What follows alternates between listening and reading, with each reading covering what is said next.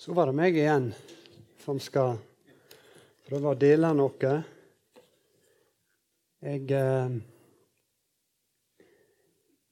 eh, ba om å få den sangen her.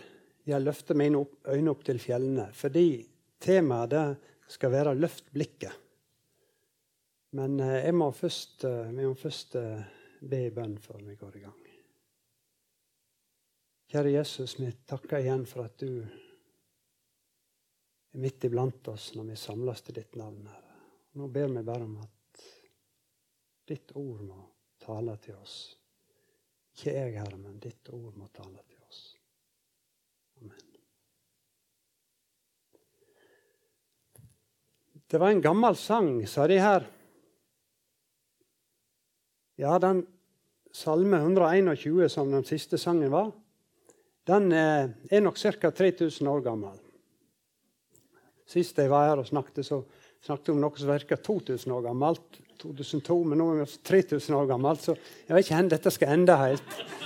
Men, eh, men i alle fall eh, Den sangen den ble brukt eh, på festreisene, kaller de det. Altså når israelsfolket skulle opp til Jerusalem på veien, så sang de denne sangen på veien. Når de gjerne sitter afrikanere og sånn, som går lange reiser eller skal til gudstjeneste, de har denne gleden at de synger på veien.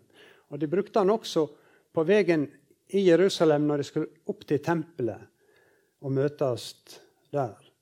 Og Den første strofa som vi nå kan se på igjen på neste plansje her Jeg løfter mine øyne opp mot fjellene.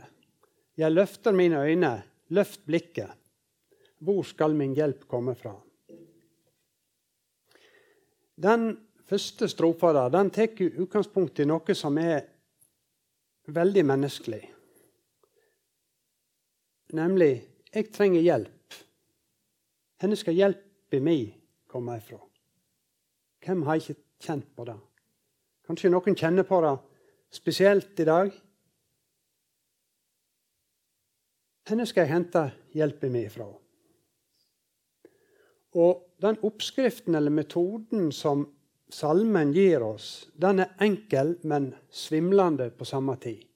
Min hjelp kommer fra Herren, himmelens og jordens skaper. Jeg syns det er fint å gå i vestlandsnaturen og se opp på de høye fjellene. Det kan være litt bort på Østlandet òg, men liksom se skikkelig oppover. Og Da tenker jeg av og til på denne salmen. Jeg løfter mine øyne mot fjellene. Hvor skal min hjelp komme fra?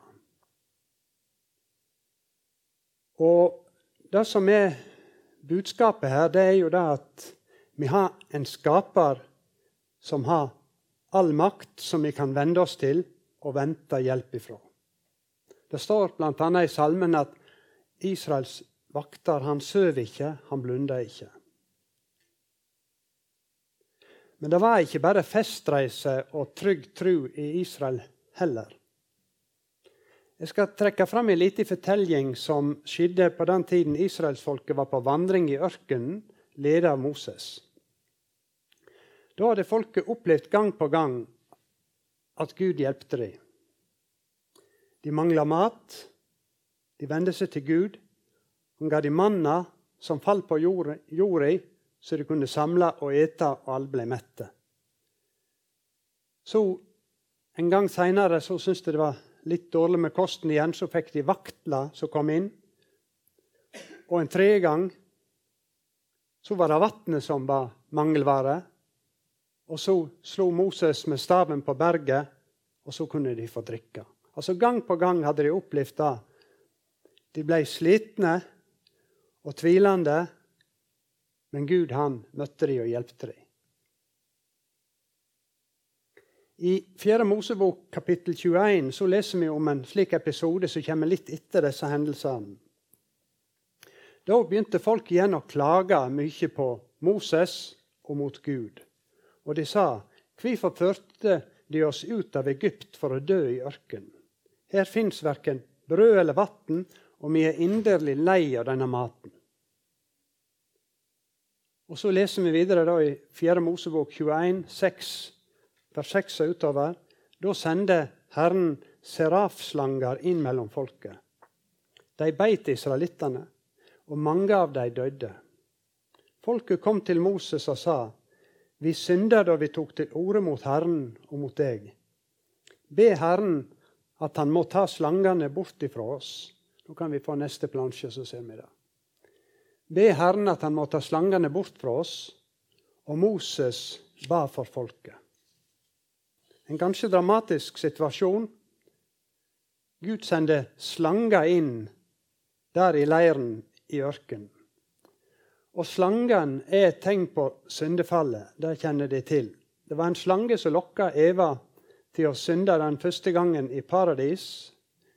Og slangen er derfor i Bibelen et symbol på fristeren, den vonde, makt. Så med det så ga Gud et tydelig tegn på at israelsfolket de hadde synda. De hadde falt for den fristelsen som det var å ikke stole på Gud og nå kjente de hva det egentlig innebar, fordi slangen har ei gift som man stikker folk med, og så dør de av det. Og det er noe av det som kjennetegner synden også. Paulus sier i Romerbrevet at syndens lønn er døden. Tenk dere hvordan stemningen var der i leiren. Det var kommet giftige slanger inn og folket dør. De har ikke noe å hjelpe seg med. Men så hadde de altså lært noe, kanskje fra Salme 121, 'Jeg løfter mine øyne opp til fjellene', fordi de ba Moses om å be Gud om å ta slangene bort. Og Moses ba for folket. Og hva skjedde så? Jo, Gud svarte og kom med hjelp. Selv om israelittene fortjente å dø, så kom Gud i møte med ei langt bedre løsning, ja, ei helt spesiell løsning. Og Det skal vi se på i de neste versene her. Da sa Herren til ham, lag deg en serafslange og sett han på ei stong. Alle som blir bitne, skal se opp på han. Da skal de leve. Og Så lager Moses da en kåperslange og sette han på stanga. Når noen ble biten av en slange, og så opp på kåperslangen, så fikk han leve. Så Løsningen for israelfolket ble igjen løft blikket. Ikke mot fjellet denne gangen, men mot noe som var kommet nærmere. Et mål som var nærmere. Mot den stanga med kåperormen. Løft blikket og se opp på han, så skal de leve. Kan vi ta neste? Her er en maleri som på en måte visualiserer dette. Så utfallet for israelsfolket var altså ikke at de som var bitne av en slange, de måtte dø. Men Gud tilbød ei motgift mot slangegiften. Men hver og en måtte velge å tro at redningen lå der, løfte blikket og se på Han. Og det var nok. Da fikk han eller hun leve. Et blikk var nok. Hvis vi går videre inn i Det nye testamentet, så ser vi med en gang han, Johannes døperen som skulle rede veg for, eller berede veg for Jesus. Det var hans oppgave. Noe av det første han sa, var Se der Guds lam som ber verdens synd. Altså se på ham. Så pekte han på Jesus.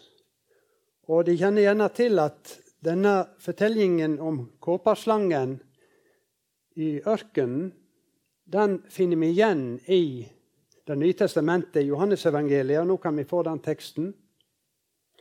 Og slik som Moses løfter ormen opp i øydemarka, slik må menneskesonen løftes opp, så hver den som tror på Han, skal ha evig liv.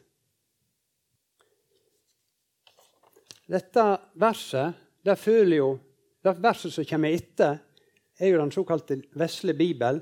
For så høyt Gud elsker verden at han gav sønnen sin, osv.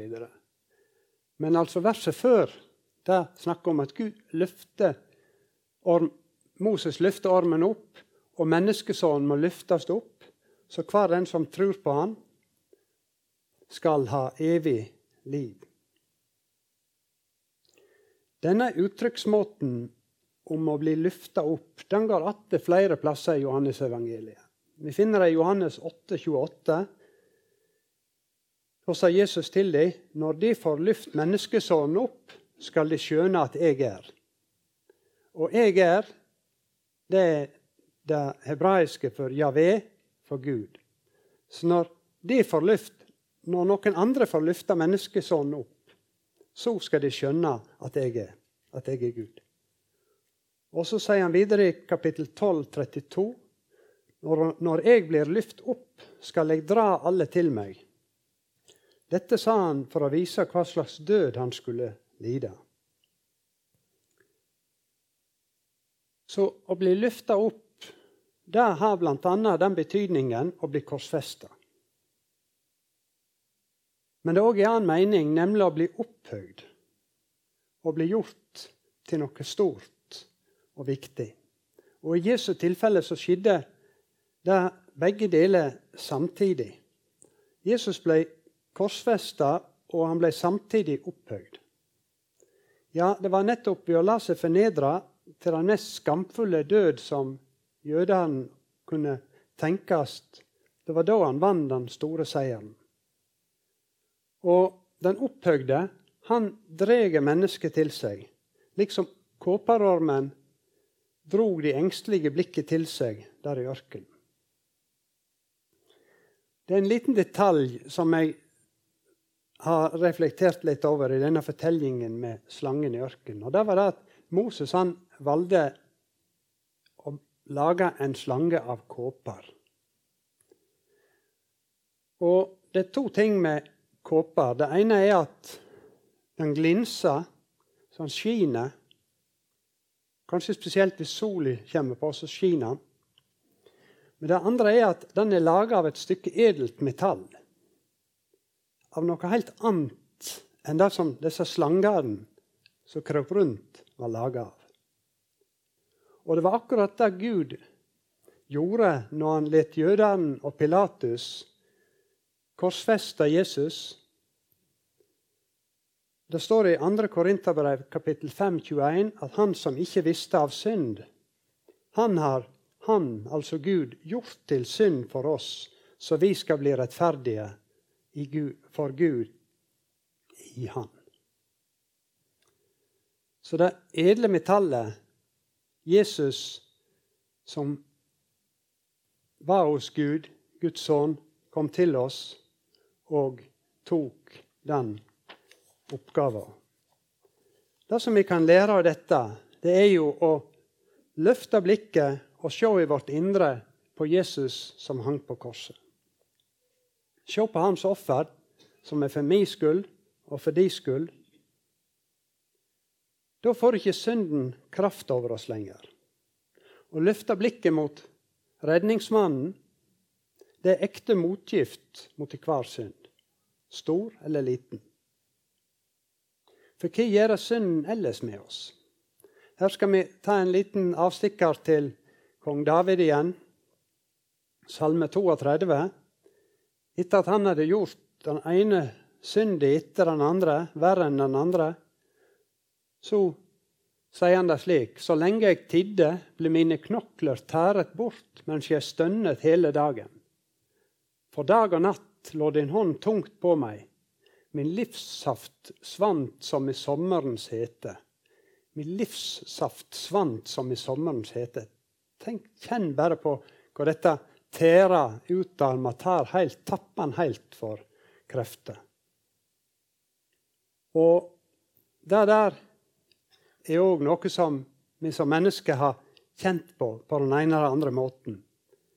Tanken på det vi har gjort, det plager oss. Det holder oss nede i dårlig samvittighet, i anger, ja, skam. Livskraften forsvinner. Og det er et sterkt ord. Altså energien, vitaliteten, gleden som vi er skapt med, og skapt til å utfolde, den siger ut av oss. Og slike ganger er det jo er det vi trenger å løfte blikket mot Jesus på korset og fortelle han det alt sammen. For da skjer det en stor endring. Da har ikke giften kraft over oss lenger. I, uh, videre i den salmen Da jeg bekjente min synd for deg, der bekjente jeg min synd for deg og skjulte ikke min skyld. Jeg sa, jeg vil bekjenne mine lovbrudd for Herren, og du tok bort min syndeskyld. Og Derfor kan han starte salmen med det som kommer nå. Salig er den som får sine lovbrudd tilgitt og sine synder skjult. Salig er det mennesket som Herren ikke tilregner skyld, som er uten svik i sin ånd. Altså som er rensa. Og så tenker vi tilbake i ørkenen. De som var der, og noen var blitt vitne, og så hadde de fått sitte opp på Kåparholmen, og så var ikke giften der lenger. Tror de var helt sikre på at de var blitt friske. Hvis du har hatt en alvorlig sykdom, og så får du en behandling, og så går du til legen og så sier nå, nå er du frisk igjen. Men kan du egentlig tro helt på det? sant? Og det er litt av samme her kan vi egentlig tro helt på at vi virkelig er tilgitt. Det vi iallfall kan vite, det er at enten vi vet om vår synd eller ikke, så er vi syndige mennesker som trenger å se opp på Jesus hele tiden. Og så trenger vi spesielt, når denne nagende tvilen kommer, har jeg egentlig fått den tilgivelsen? Er jeg blitt rein? Har jeg liksom bekjent meg nok? Har jeg gjort sånn og har jeg gjort sånn? Løft blikket igjen. Nå skal vi se på neste plansje. Den Se på Jesus og bli rensa. Det er også fra Johannes, brev, Johannes sitt første brev.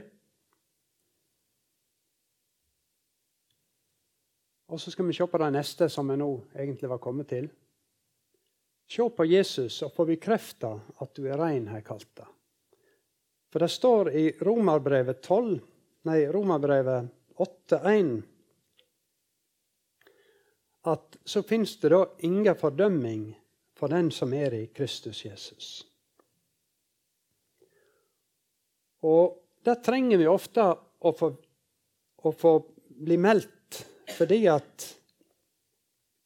når vi har gjort noe som vi vet er galt, så vil vi ofte klandre oss sjøl, og kanskje andre vil. Vi vet at andre vet om det. Det vil på en måte følelsesmessig sitte ved oss, sjøl om vi har gitt dem fra oss til Jesus. Vi kjenner på skammen på en måte etter at vi har fått tilgivelsen. Og Da trenger vi igjen å løfte blikket, se på Jesus og få bekrefta det fins ingen fordømmelse for den som er i Kristus Jesus. Og i Johannesbrevet igjen, for om hjertet vårt fordømmer oss, er Gud større enn hjertet og veit alt. Eller for å si det med Jesus på korset det er fullført. Det er ikke noe mer du skal gjøre med det. Så løft blikket og ta til deg at Jesus han har gjort opp for deg. Han har sett deg fri. Skal vi få på neste bilde. En ting som jeg vil ta med nå i tillegg, det er dette at det er ikke bare vår egen synd som kan ta livskraften ut av oss. Også andres synd kan tære på kreftene. Hvis vi går tilbake til ørkenen, så tenker vi slangene kommer, folk blir bitt. Hva skjer da? Jo, noen begynner å bli syke, alvorlig syke. Og så springer de rundt. Der en slange. Nei, kom hit. Nei, der. Og så kjenner de forvirringen, kaoset, som må være i en sånn situasjon. For å si det sånn, Hvis vi hadde på en stor speiderleir fått inn en hel haug med slanger av den typen der, så hadde, hadde panikken brått helt ut. sant? Og Da støyter folk borti hverandre, og alle tenker på seg og rusher ut. Og så er det noen som detter i vende, og så får synden og syndens konsekvenser på en måte smitta over i det kaoset. Og så er vi en del av det. Og samtidig blir vi såra av det. Av andre sine, sin opptreden i dette kaoset som synden skaper. Og det er jo slik synden på en måte er i sitt vesen. At den skaper ugreie i alle større og små relasjoner. Den skaper kaos i det store verdensbildet også. Så det er noe der med at også alt som synden gjør rundt oss og med oss, kan, ta, kraften og motet fra oss. Og Da trenger vi òg å se på Jesus. For han ble sjøl et offer for disse syndige kreftene i verden. Det var menneskets synd som gjorde at han ble sveken, urettferdig dømt. Han kjente naglene som ble spikra inn i hendene sine og føttene sine, men han holdt ut. Og gjennom det så vant han en stor seier. Det er den store seieren som er på en måte Bibelens budskap. Og Slik blir vi òg oppmuntra til å holde ut i kampen for det gode helt til den dagen da seieren fullt og helt er vår. Nå skal vi lese Hebreabrevet 12, 1-3. Derfor, når vi har så stor ei sky av vitner kring oss, så lat oss legge av alt som tynger, og synda som henger så fast ved oss, og halde ut i det løpet som ligger framfor oss, med blikket fest på Jesus, trua sin opphavsmann og fullender. For å få den gleda som venta, helt han ut på krossen uten å bry seg om skamma. Og han har sett seg på høyre side av Guds kongstol. Ja, tenk på han som helt ut en slik motstand fra syndere, så de ikke skal trøytne og bli motløse. motløse. Så la meg da oppsummere helt kort. Når Jesus ble løftet opp på korset, så oppfylte han den funksjonen som kåperormen i ørkenen hadde pekt fram mot. Han ble gjort til synd for oss så vi skulle gå fri fra syndens konsekvenser. Og Derfor er det vi stadig trenger å løfte blikket mot Jesus for å gå til Han med vår synd og bli rensa, for å se på Jesus og få den bekreftelsen vi trenger du er blitt rein, og for å se på Jesus og holde deg ut når det røyner på. Hvis disse vendingene mot Jesus i disse situasjonene blir en vane i vårt liv, da tror jeg vi finner hemmeligheten i det som Paulus sier i 1. Korinterbrev kapittel 1, 18. For ordet om krossen er en dårskap for de som går fortapt, men for oss som blir frelste, er det Guds kraft. Det er Guds kraft kraft det dreier seg om. Da skal vi be til slutt.